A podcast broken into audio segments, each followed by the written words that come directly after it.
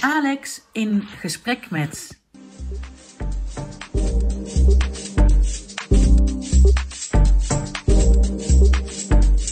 Mogelijk gemaakt door Sensor.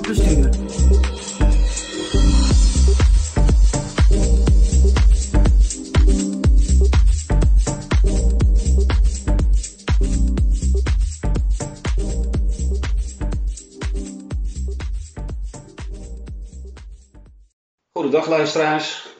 Hier zijn we weer met een nieuwe podcast vanuit Sensor Bestuur.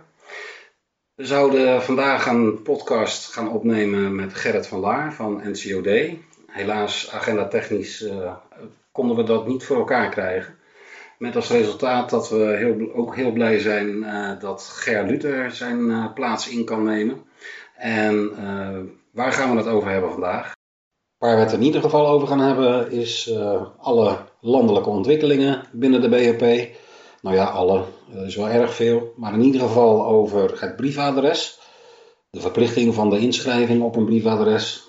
Over het LAA. Mogen deelnemen aan LAA wordt moeten. En over de rechtmatigheid van de regeling briefadres van de NVVB. En of daar nog uh, ontwikkelingen in zijn.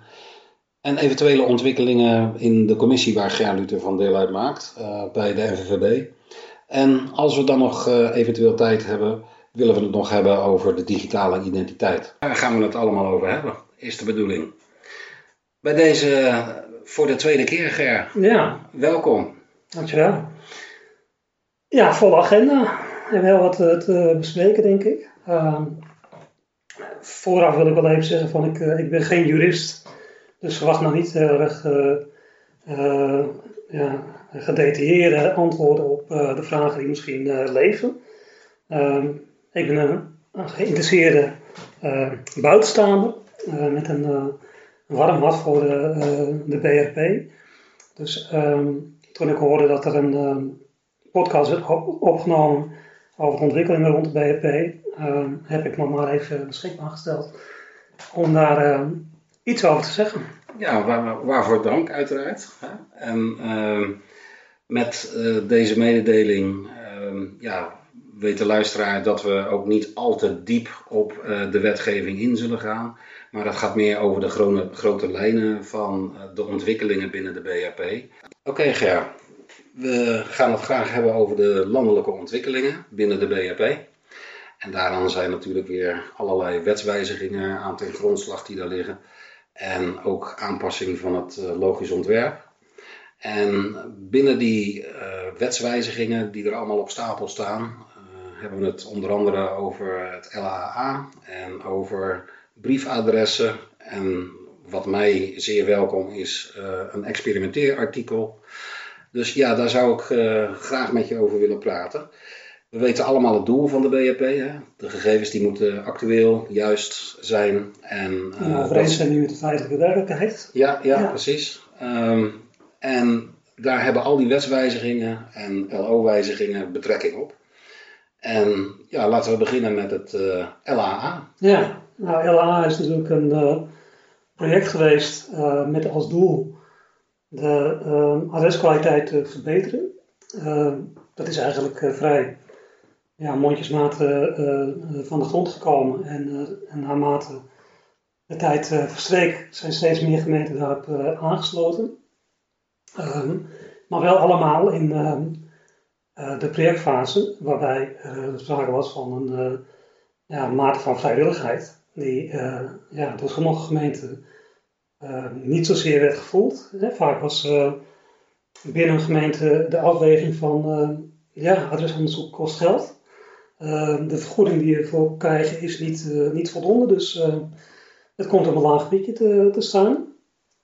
En misschien, ja. en, en, misschien ook wel de beschikbare tijd die ze hebben? Ja, maar ja, goed, dat is denk ik altijd uh, een, een kwestie van de keuze die je maakt.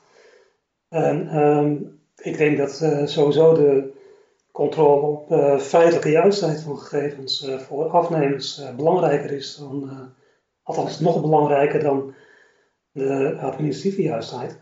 Um, dus als jij als gemeente zegt van we gaan geen geld uitgeven aan de uh, adresonderzoeken. We doen het uh, uh, ja, als er tijd over is omdat we andere dingen nalaten, dan denk ik ja, ehm, dan heb je denk ik niet de goede prioriteit gesteld.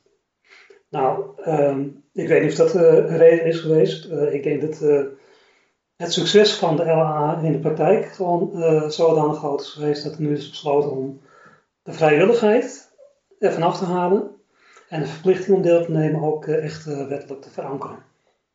Ja, uh, daar ben ik ook persoonlijk zeer blij om dat dat gaat gebeuren. Juist vanwege de kwaliteit en in dit geval de kwaliteit van het adres gegeven binnen de BEP.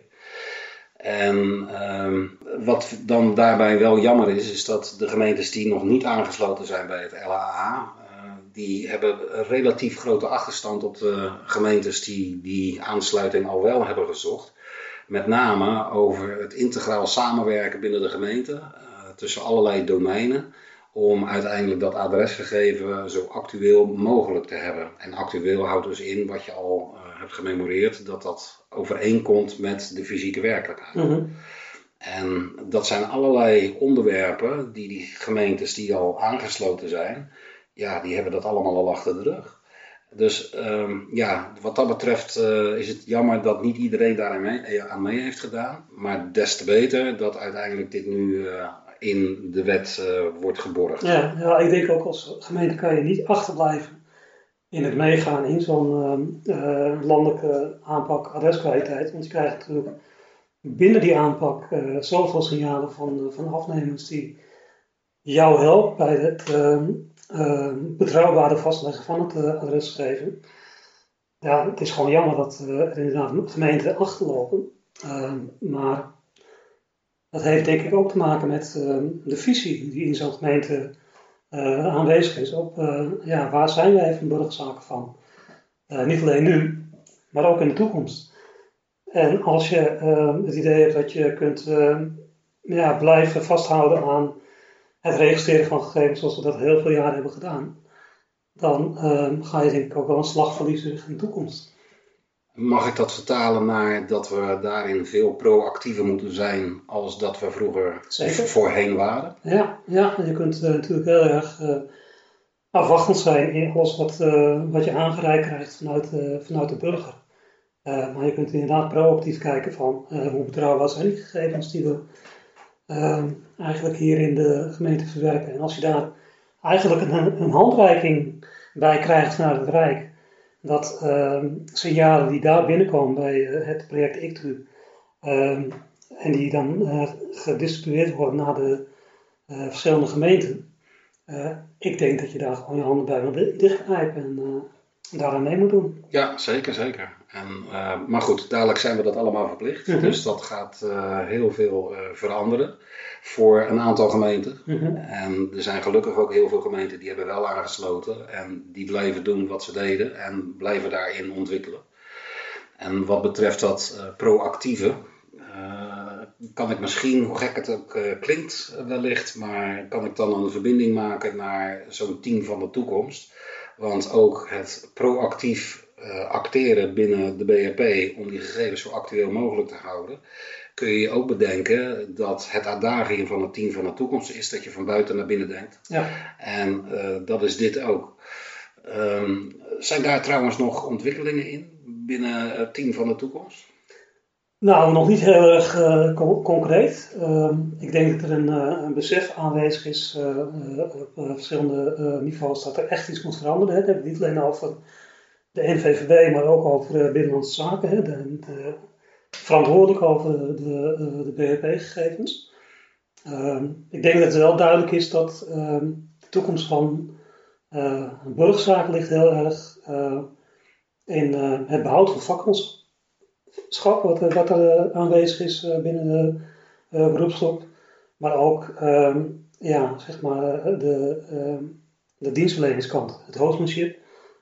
Dus het ja, veel meer inderdaad wat jij zegt, van buiten naar binnen denken. Uh, ook meer vanuit de, de, burger proberen te denken en niet vanuit de regels die wij al heel lang gewend zijn om, om toe te passen, die niet altijd ehm, in het voordeel van de burger uitpakken. Dus ik denk dat we voor de toekomst een groter beroep gaat worden gedaan op de eigen verantwoordelijkheid van, van medewerkers. Volgens mij heb ik in de eerste podcast ook al iets over verteld. Ja, klopt helemaal. Dat daar een, een soort ja, cultuuromslag in moet gaan plaatsvinden.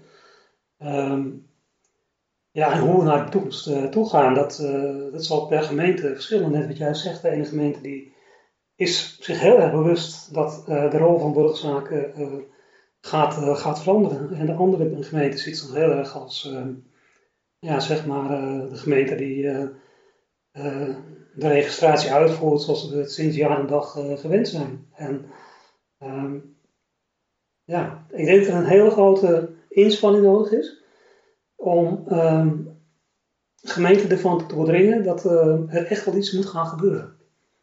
Misschien dat het leuk om te vertellen dat onderzoek, dat is al uit 19, sorry, uit uh, 2020, uitwees dat in 40% van de gemeenten helemaal geen idee is wat er gaat gebeuren richting toekomst. Nou, dat kan natuurlijk niet zo blijven, want ja, de toekomst begint nu.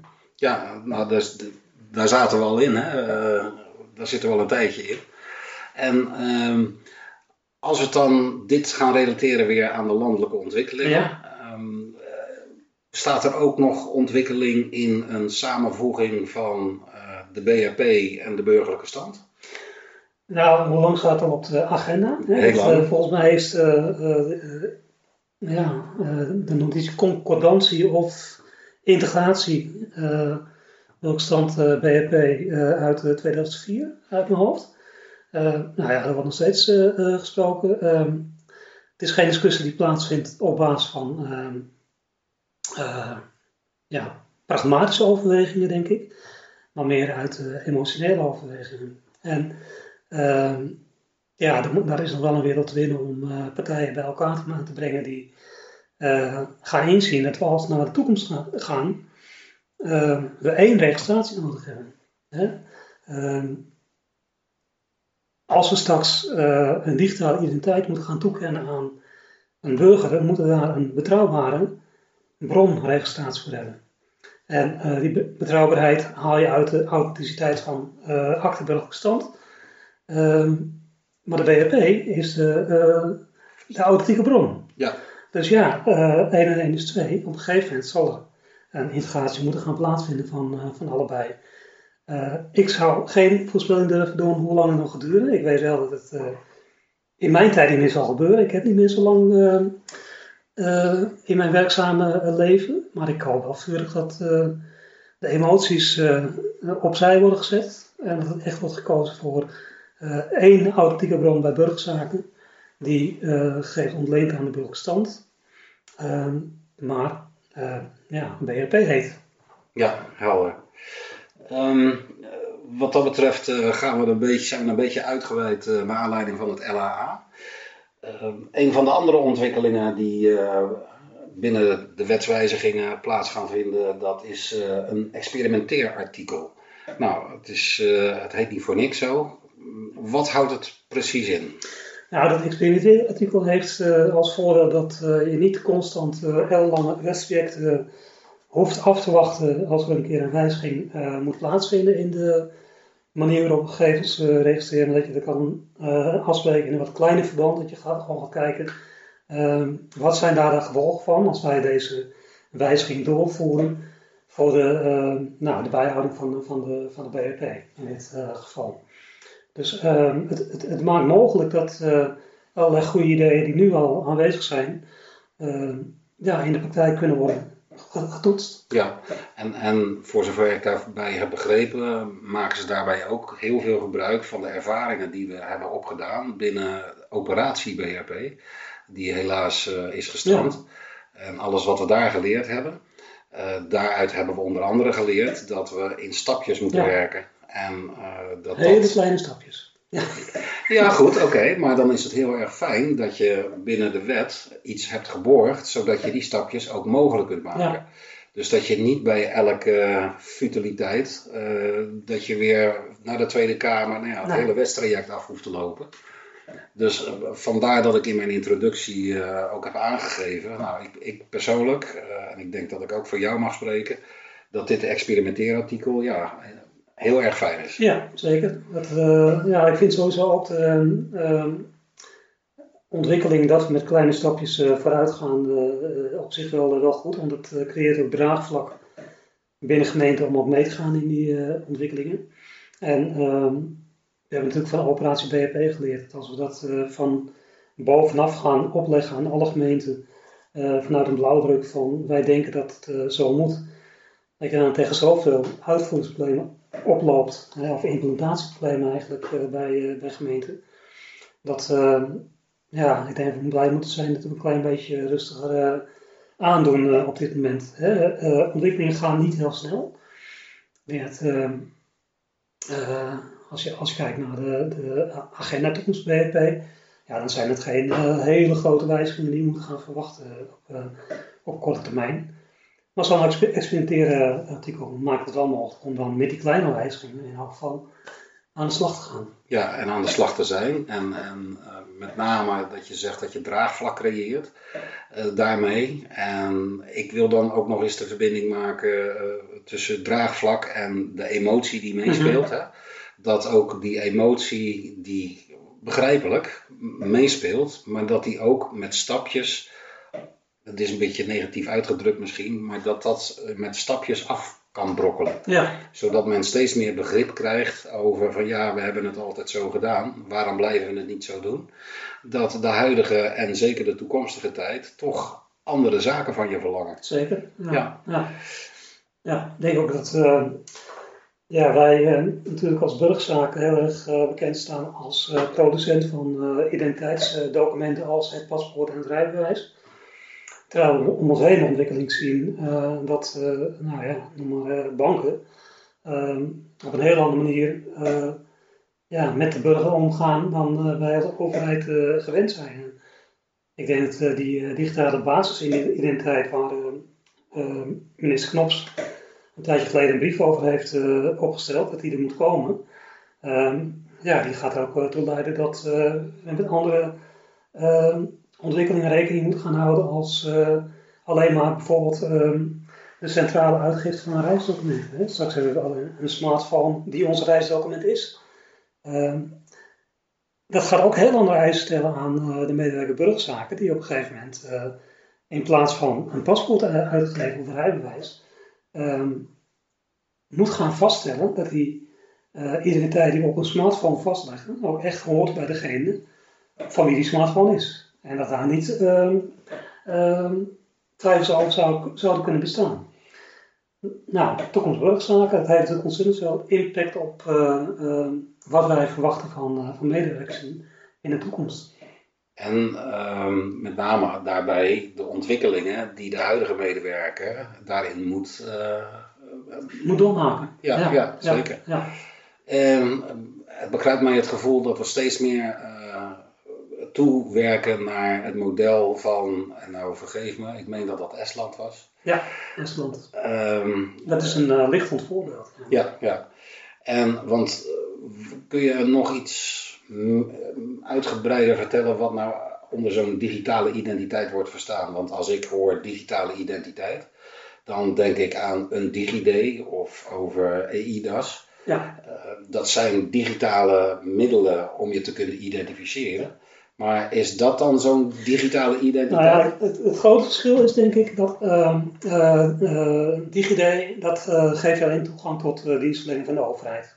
En ehm, een VID, een virtuele ID, hè, de, de, digitale identiteit, zou een bredere toepassing moeten krijgen. Dus, dus, nou ja, zegt de bonusgraad van Albert Heijn, moet ook via zo'n virtuele identiteit um, ja, bewijskracht uh, kunnen krijgen.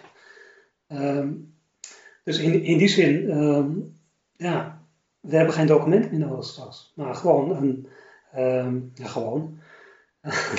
Was het maar gewoon. een vastgestelde digitale identiteit. En iemand moet het doen. Ja.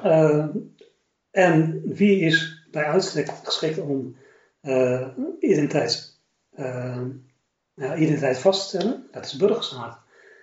Dus ik denk, als we het goed inspelen op de toekomst, uh, is er nog een toekomst voor burgerzaken in relatie tot uh, die virtuele identiteitsvaststelling. Ja, ja. En ehm, wat ik daarbij ook merk, is dat er ook steeds meer samenwerking komt tussen de VNG, NVVB en met name BZK. En soms ook uh, juridisch, uh, uh, juridische zaken. En die samenwerking was er vroeger ook wel, of voorheen. Maar ik merk dat er steeds meer ook echt naar elkaar geluisterd wordt. Ja, Operatie BP heeft wel wat lessen met zich meegebracht. En ehm, de les is dat je ehm, niet vanuit een, een of andere zuil allerlei zaken denk, moet, moet regelen die je denkt te kunnen regelen, omdat ze goed op papier staan. Want de werkelijkheid is natuurlijk ja, weer lastig. Ja. Die is op 352 uh, plaatsen verschillend, zullen we maar zeggen. Ja, ja. Dus um, ja, de VNG is degene, uh, de partij die uh, gemeente vertegenwoordigt in allerlei ontwikkelingen die gaande zijn. bijvoorbeeld Common Ground als nieuwe ehm, inrichting van de informatiehuishouding. Ja, en die gaat ook uit van, het moet wel vanuit de gemeente komen en niet vanuit het Rijk wat ons wat gaat opleggen. Ehm, dus dat daarover uh, met elkaar gesproken wordt en dat de NVP er ook een rol in, uh, in heeft, dat juich ik uh, heel erg toe. Ja. Ja. Het leuke van de podcast is dat ehm, je doet een leuke introductie en dan vertel je over wat voor onderwerpen er allemaal ter sprake komen. Maar gaandeweg een gesprek kunnen er ook onderwerpen genoemd worden die ook bijster interessant zijn. En zo noem je nu Common Ground. Mm -hmm. En als ik kijk naar leveranciers als Procura en uh, inmiddels ook Pinkrokale. En Centric. Uh, en, en, en Centric zeker. Die, die, hebben het over een open BR, BRP.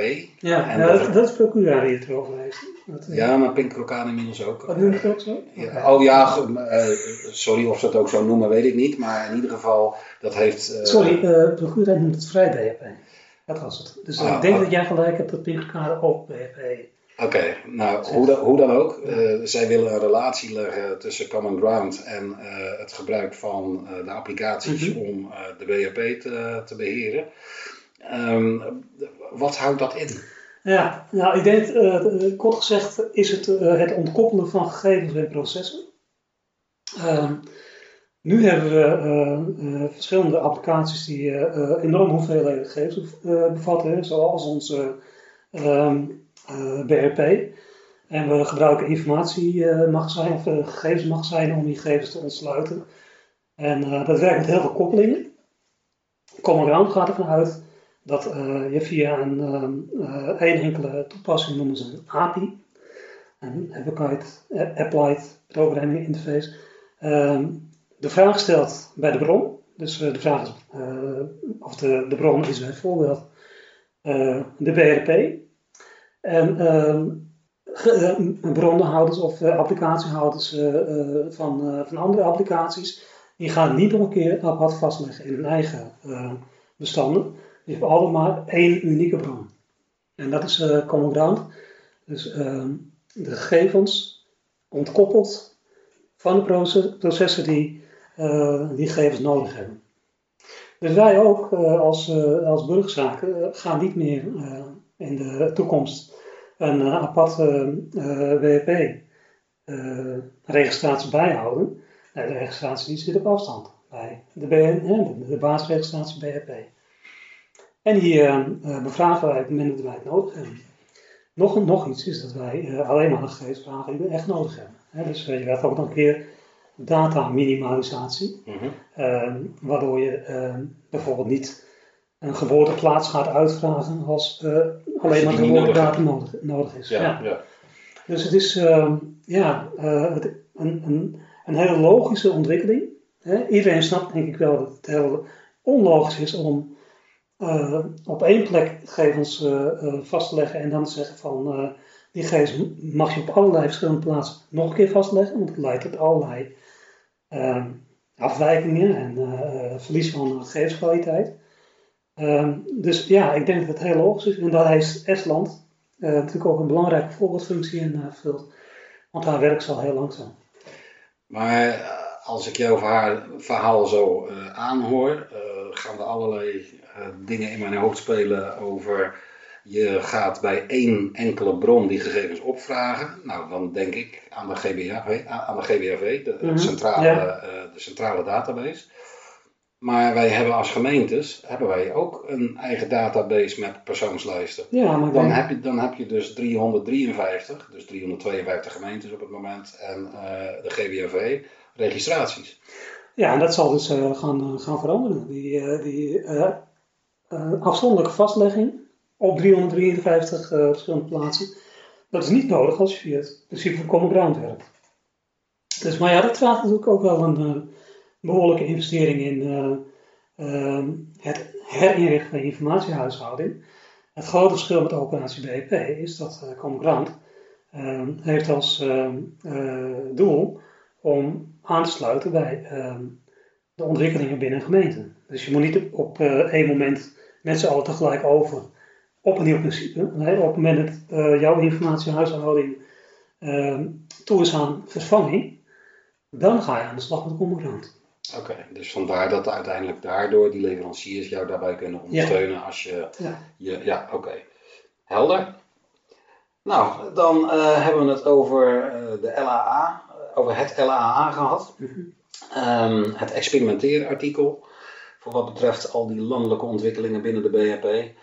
Dan het ambtshalve briefadres. Nou, dat heeft, ehm, als ik zo het eh, platform van de NVVB nalees, toch wel wat teweeg gebracht. En ehm, daar is de NVVB ook nog mee bezig. Ik heb nog geen berichten daarover gelezen. eh, naar aanleiding van een vraag. Eh, ik weet niet meer welke gemeente dat precies is geweest, maar ik vond het een zeer terechte vraag. Dat vond de NVVB ook. Eh, en met als uiteindelijk resultaat van we moeten naar de geest van de wet handelen en niet naar de letter van de wet. Maar wellicht komen we daar misschien dadelijk nog op. Wat houdt uiteindelijk die wijziging in het kader van briefadressen in? Nou, het is nu eh, zo dat een, eh, een, een gemeentebestuur eh, kan een briefadres toewijzen aan inwoners. En dat is vooral gericht op dak- en thuislozen die echt niet beschikken over een, een woonadres of een ja, omgeving waar zij een briefadres bij kunnen aanvragen. En dat wordt eh, eh, een verplichting in de wet om eh, als gemeentebestuur eh, een briefadres toe te wijzen aan dak- en thuislozen. Dus wat, wat kan, was, dat wordt moet. Mhm. Dus eh, een geme- een gemeentebestuur moet in die situatie, dat echt eh, het noodzakelijk is om een briefadres toe te wijzen aan dak- en thuislozen, een briefadres gaan toewijzen ambtshalve. Ja, nou, ik, ik zou meer willen toespitsen op de noodzakelijkheid dan op eh, dak- en thuislozen. Want je hoeft niet per se dak- en thuisloos te Nou, zijn. maar het, het praat even makkelijk als eh, een bepaalde doorte op eh, in beeld Oké. Mhm. Ja, het, het kan wordt dus nu moeten. Wat, wat voor gevolg gaat dat hebben, denk je, voor gemeentes in de uitvoering? Nou ja, in elk geval, eh, ik, ik zou niet kijken naar de uitvoering, maar vooral naar de vindbaarheid van, van burgers. Dat eh, we eh, ja, wat minder snel gaan besluiten tot uh, ambtshalve uitschrijving van, eh, eh, van mensen. De zogenaamde VOE. De, de, de, de VOE, land onbekend. Kijk, land onbekend is natuurlijk een, situatie die je eigenlijk niet moet willen. Ten eerste niet vanwege de onvindbaarheid voor de overheid van zo iemand. Ten tweede voor de gevolgen die het heeft voor die persoon die naar la- land onbekend wordt uitgeschreven. Dus ik denk dat daar zoveel mogelijk maatregelen eh, genomen moeten worden om dat te voorkomen. Om iemand naar het land onbekend uit te schrijven. Ehm, gevaar is natuurlijk ook wel dat eh, heel snel wordt gezegd van, eh, nou ja, eh, we gaan het ambtshalve briefadres gebruiken, want het moet van, van de landelijke overheid. Dus eh, eh, als het ons uitkomt, dan gaan we dat ook toepassen. Ja, dat is natuurlijk ook weer niet de bedoeling. Je moet, je moet wel kijken van, wat is het doel van de wet in dit geval? En dat is de vindbaarheid van, van burgers eh, zo groot mogelijk te maken. Ja, ja helder. Ehm, eh, ik denk dat er wat dat betreft ook nog een andere eh, ontwikkeling eh, te benoemen is. Ehm, als we het dan over die landelijke ontwikkelingen hebben. En zeker met betrekking tot de kwaliteit van het adresgegeven. En dat heeft iets met een wijziging van het logisch ontwerp te maken. Kun je daar misschien iets over vertellen? Ja, dat is een wijziging die gaat uh, uh, 2 januari volgend jaar in. En dat heeft te maken met uh, ja, zeg maar de berichtgeving richting afnemers, zoals een adres in onderzoek is gesteld.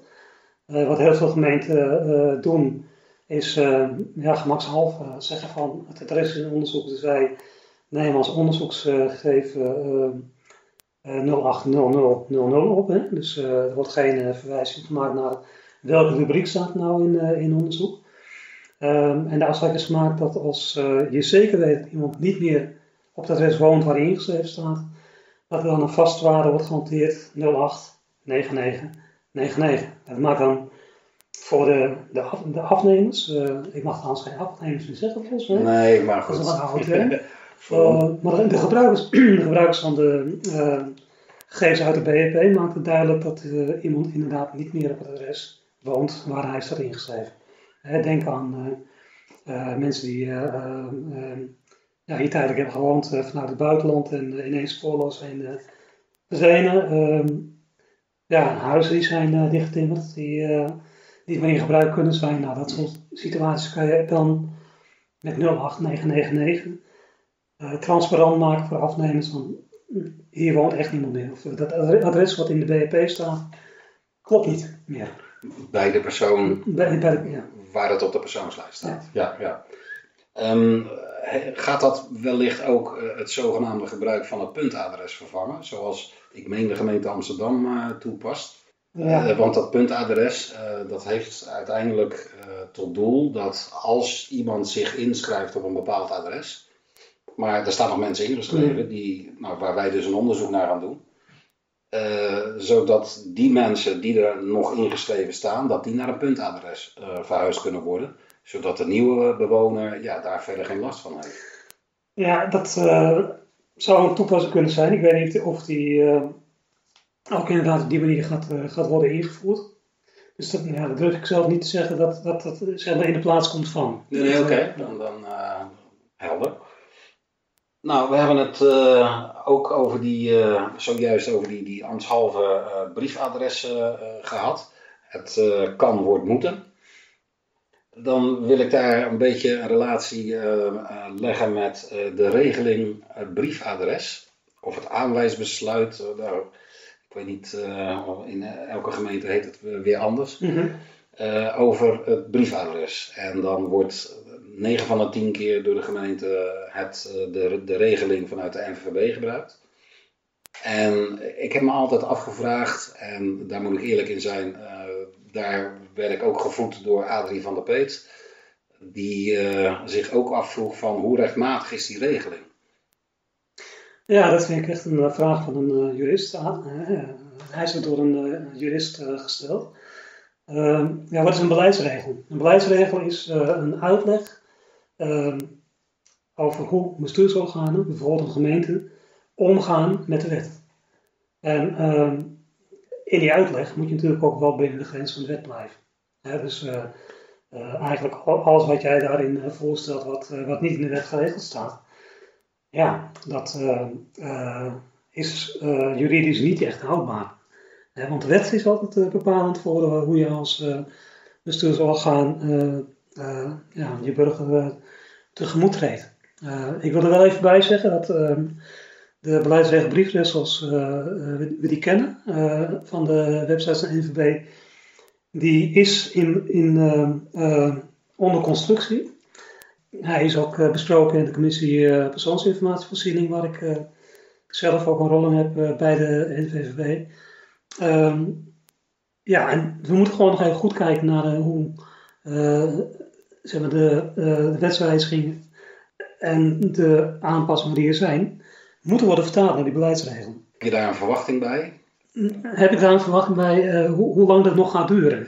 Onder andere? Of, uh, nou ja, er ligt in elk geval het plan om die beleidsregel te, herzien. te herzien. En wij hebben aan het eind van het jaar, ik geloof nog wel iets eerder in november, een een volgende vergadering en hopen we ook een klap op te geven. Ja, en wellicht heeft dan... Eh, laat, laat het zo zeggen, wij uh, geven een klap op het advies wat naar het bestuur gaat. Ja, precies. Ja. Dat snap ik, want het bestuur die besluit uiteindelijk ja. om het al dan niet uh, in die vorm die jullie gaan bedenken, om die uit eh, te vaardigen. Ja. Wat klinkt dat officieel, hè? Ehm, maar wellicht dat dan ook een, een, een uitspraak. eh, ik heb via eh, Johan van der Broek eh, een, een uitspraak mogen lezen. Eh, die is ook inmiddels wel eh, bekend bij de burgerzakenmensen. Dat het daar ook zeer helder verwoord staat. In, dat- in het vonnispoor. in het vonnis. eh, Dat, dat je simpelweg niet buiten die regeltjes van de wet mag treden. Als je een beleidsregel opstelt. Ja, ja. Dus ja dat- ik heb die eh, ehm, uitspraak ook gezien en ik denk dat het op zich, ja, bij gebreken van een aangepaste beleidsregel van, van de eh, in aanvulling op die beleidsregel eh, zeker eh, waarde heeft Mhm. om die ook eens te bekijken. Ja, ja. Ja. Oké, nou dan, dan hebben we eigenlijk grotendeels eh, de, de actuele ontwikkelingen eh, met elkaar doorgenomen. In eh, de introductie heb ik het ook nog gehad over, goh Ger, wat doe je eigenlijk bij die NVVB? Ja, Ik eh, las op eh, LinkedIn dat je daar al een jaar werkzaam bent, of in ieder geval eh, allerlei eh, zaken ont mede ontwikkeld in allerlei groepen. Eh, kun je daar misschien nog ja, iets... eh, ja. Nou zeg, de, NVB is natuurlijk een, ehm, een vereniging van eh, eh, medewerkers uh, burgerzaken. En ehm, ja, medewerkers die zich heel betrokken voelen bij de NVVP hebben de mogelijkheid om eh, zich eh, eh, aan te melden voor een eh, commissie. Ehm, we hebben een aantal, een commissie persoonsinformatievoorziening die zich bezighoudt met allerlei zaken rond eh, de registratie van eh, ehm, BHP-gegevens, eh, ehm, commissie persoonsregistratie, die zich bezighoudt met de uitvoeringsregels rond de burgerlijke stand, eh, commissie rijbewijs, commissie verkiezingen. ehm, en ik heb me als enthousiaste medewerker eh, aangemeld voor de commissie persoonsinformatievoorziening vanuit de gedachte dat ik eh, in de eh, paar jaar die mij nog resten binnen het eh, werkzame leven eh, ja, graag even meedenken over hoe de ontwikkelingen hun beslag zouden moeten krijgen in het werkveld burgerzaken. Dus en, wat, ja. en, en, en wat is jouw visie daarop? hoe, nou, ik denk dat er toekomst is voor burgerzaken. Laten we, laten we daarmee beginnen. Hè. Dat vind ik ook wel een hele belangrijke vraag. Van, zie je wel toekomst voor, voor het vakgebied? Ik denk dat eh, die toekomst vooral ligt in eh, behoud van het vakmanschap. Wat, eh, wat er is, is binnen burgerzaken. Dan heb ik het over burgerlijke stand. BHP, verkiezingen, noem alles maar op. Wat ja, toch de behoorlijk, eh, een behoorlijke impact heeft op de benodigde expertise. Dus daar moeten we zeker in blijven experti- eh, investeren. En ehm, ja, we zijn het visitekaartje van, van de overheid. Hè? Dus ehm, de toekomst ligt ook al in het ehm, hostmanship. Ooit een term, ik vind het een verschrikkelijke term. Ja, die, is, Eh, die is zelfs, eh, er zit copyright op hè? ja, nou ja, Dus iemand Ja. mogen het eigenlijk helemaal niet vertellen hier. Nee, ik, ik, ik, ik vind het is, het is meer eh, ga- gastheerschap, gastvrouwschap. Ja, precies.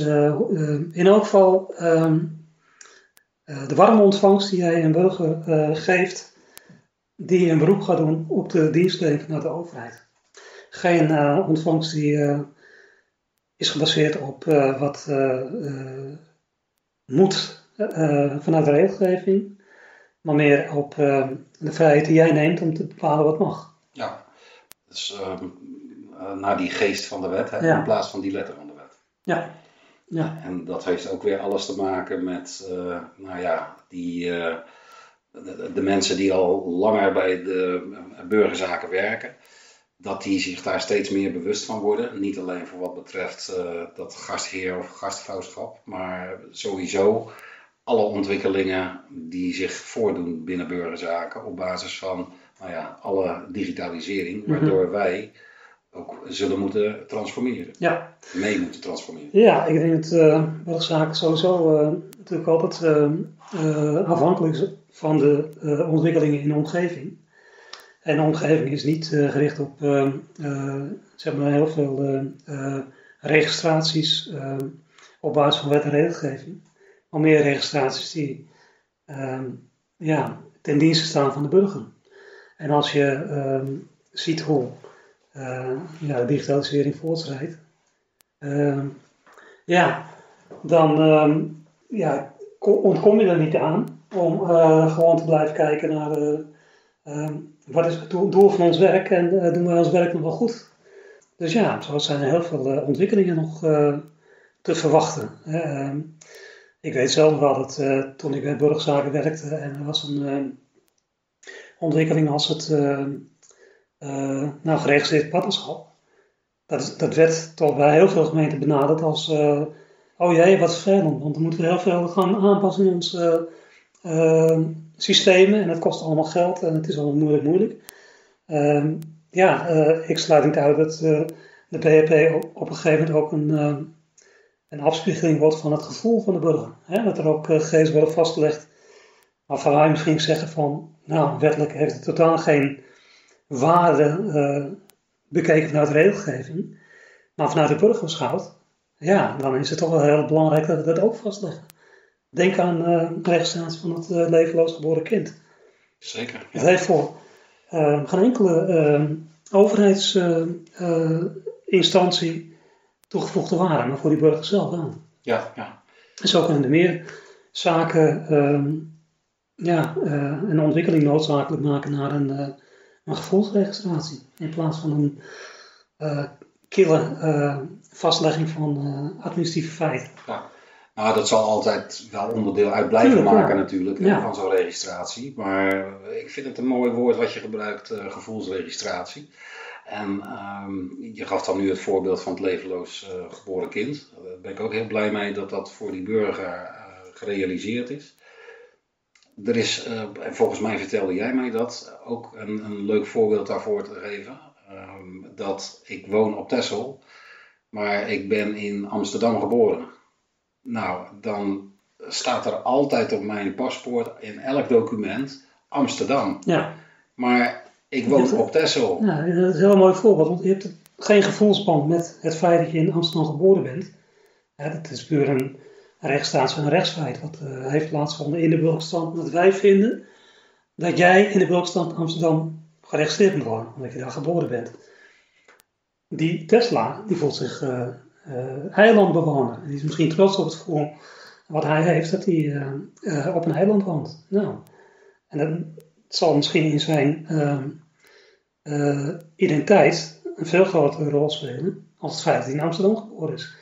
Nou, dat soort zaken, dat zou invloed kunnen hebben op de manier waarop wij de BP gaan bijhouden. Ja, ja. Ja. Leuke ontwikkelingen. Ja, ja, en ook niet alles is natuurlijk nog in beton gegoten. Eh, Nee, nee, dat, dat snap ik. Maar ik, eh, alleen al het feit dat er over nagedacht wordt, dat geeft al aan dat er steeds meer ruimte geschapen wordt.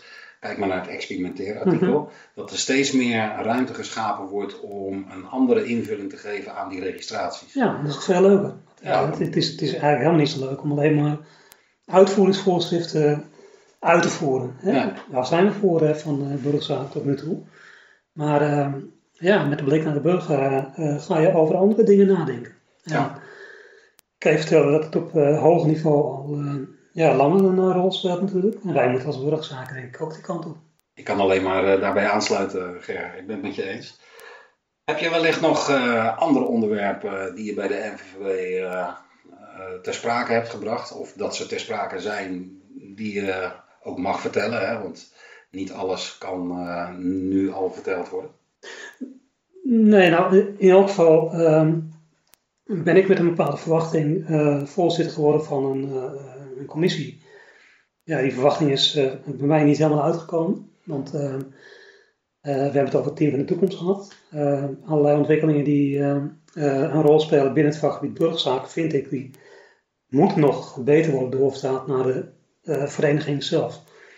Nou, daar is ook wel eh, eh, een opening voor om daarover te, te praten. Dus ik hoop echt wel dat we ook met de vereniging een ontwikkeling gaan doormaken die ons ook wat meer losmaakt van het verleden. Hè? Ehm, en toch ook wat toekomstgericht maakt als, als vereniging. En het is een, ja, een hoop die ik uitspreek. Want ik vind, eh, je moet als vereniging ook het, het goede voorbeeld geven. Ja, dus je moet mee. En, en het goede voorbeeld geven, mag ik dat dan relateren aan zo'n uitspraak eh, binnen dat eh, team van de toekomst? Hè? eh, dat je van buiten naar binnen denkt. Ja. Ja, nou, je, je moet niet blijven denken in bloedgroepen die ons DNA gevormd hebben eh, vanaf eh, 1850. Hè? Napoleon. Ja. Ehm, op een gegeven moment moet je ook kijken naar, ehm, is nou ehm, de, de, de indeling op expertise, op, eh, op kennis, eh, de, de basis die wij eh, moeten blijven hanteren. Het staat voor mij buiten kijf, dat die kennis is heel belangrijk. Hè? Die moeten we ook koesteren en daar zijn we gewoon groot mee geworden. Maar moeten we ons niet veel meer ehm, conformeren aan een visie die ehm, onze rol in de toekomst gaat, eh, gaat veranderen. En consequenties heeft voor hoe wij als vereniging daarin in meegaan. En, en een bijdrage aan kunnen leveren. Ja. Ja. want anders denk ik dat je heel erg eh, bezig bent met uh, achterhoedegevechten behoud van eh, zaken die misschien minder relevant zijn als je naar de toekomst kijkt. Ja.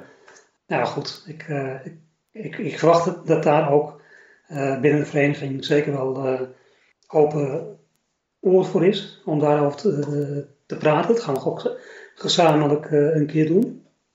Dus ik hoop dat ik het eh, volgend jaar dan eh, ook voorzitter ben van een, van een club die ehm, ja, echt op de toekomst is gericht. Ja. Ja. En, en daarop aansluitend denk ik dat de NVVB eh, als vereniging, ze hebben tegenwoordig, of tegenwoordig, dat is al een tijdje, op Pleio dat platform, Ja. NVVB. En als je daar de vragen leest die gesteld worden, dat dat juist heel veel input geeft aan de vereniging NVVB. Zeker. Ja. Om ja, zich meer bewust te zijn van hoe deze vereniging zich nog verder zou kunnen ontwikkelen. Ja, op zich is het eh, platform een, eh, een, een schat aan informatie eh, over alles wat, wat leeft bij, eh, bij burgerzaken. Ehm, wat, wat ik er nog meer in zou willen terugzien, is dat er ook voorbeelden worden gedeeld. Hè? Dat eh gemeenten ook zelf de moed hebben om wat zij hebben ontwikkeld, wat voor meerwaarde kan zijn voor andere gemeenten, ook eh, daar ter beschikking eh, stellen. Ik noem maar iets, hè? nu zitten we in de periode van verkiezingen. Ik zie heel veel vragen langskomen over verkiezingen. Maar ik zou het ook wel goed vinden als gemeenten zijn die zeggen van... ja, wij hebben hier een, een draaiboek waar we helemaal tevreden over zijn. Dat we Ja, ja. beschikbaar. Mhm. En misschien is daar een grote rol voor de NVP zelf in weg- weggelegd. Hè? Dat je vanuit de commissie ook eh, dat soort handreikingen gaat publiceren. Hier spreekt heel erg eh, mijn eh, ervaring bij de Informatiebeveiligingsdienst. Hè? Ook een vereniging voor CISO's. Eh, maar die met een iets andere insteek ook eh, een enorm goede naam heeft ontwikkeld eh, binnen de wereld van, van gemeenten. Juist omdat ze heel erg dienstbaar zijn geweest in ter beschikking stellen van allerlei informatie. Die eh, op 352 verschillende plaatsen op dezelfde manier gebruikt zou kunnen worden. Ja, nou het toeval wil dat ik eh, een gesprek heb gehad met Henk van Dijkhuizen Ja. eh, van de NVVB. En we zijn, eh, dat staat nog helemaal niet 100% vast. Maar we zijn van plan om een, een podcast te gaan maken over de verkiezingen.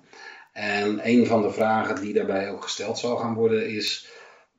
Welke faciliteiten kan uiteindelijk de vereniging NVVB bieden aan de leden om juist daarin, zo in dit geval verkiezingen, om daar zo goed mogelijk invulling aan te geven. Ja, En eh, dan denk ik ook aan een handreiking, maar tegelijkertijd ook, want alleen een blaadje, daar heb je niks aan. nou, Het gaat er ook om dat je weet, of zou eh, kunnen voorstellen, hoe je een project inricht. ja. Welk, waar bestaat die werkgroep uit? Ehm, nou ja, allerlei Ja. handvatten. Ik wil er wel even bij zeggen, ehm, zie je nou de NVV niet als een eh, club van mensen die allerlei zaken zelf gaan uitdenken. Eh, wij hebben de input van gemeenten nodig.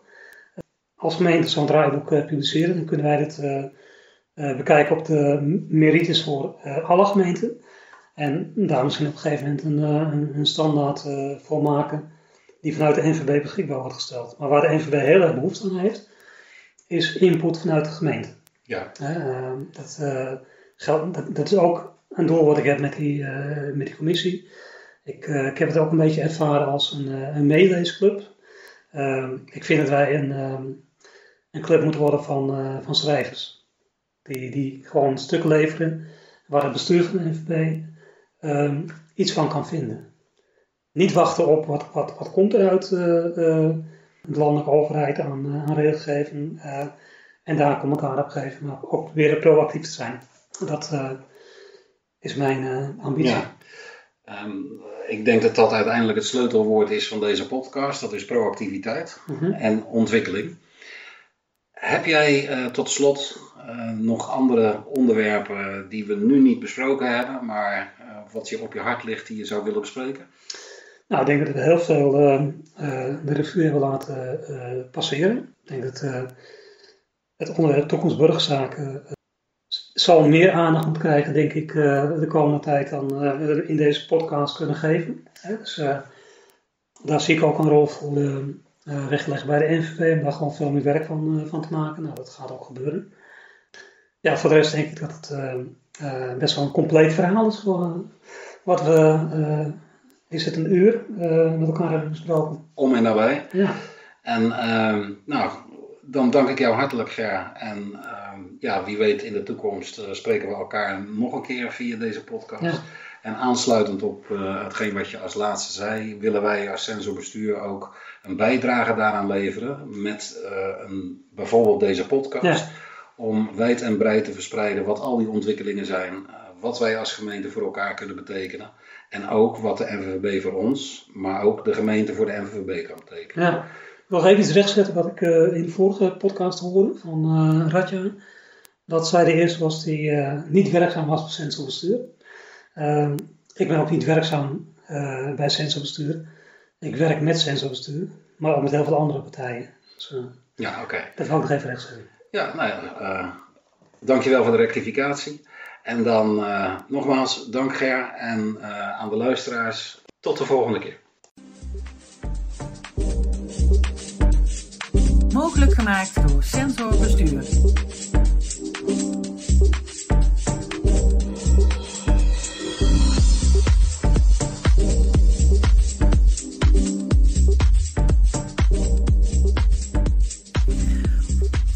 keer in de podcast Alex in gesprek met John de Ruiter over het nieuwe diplomastelsel van de Publieksacademie en het team van de toekomst.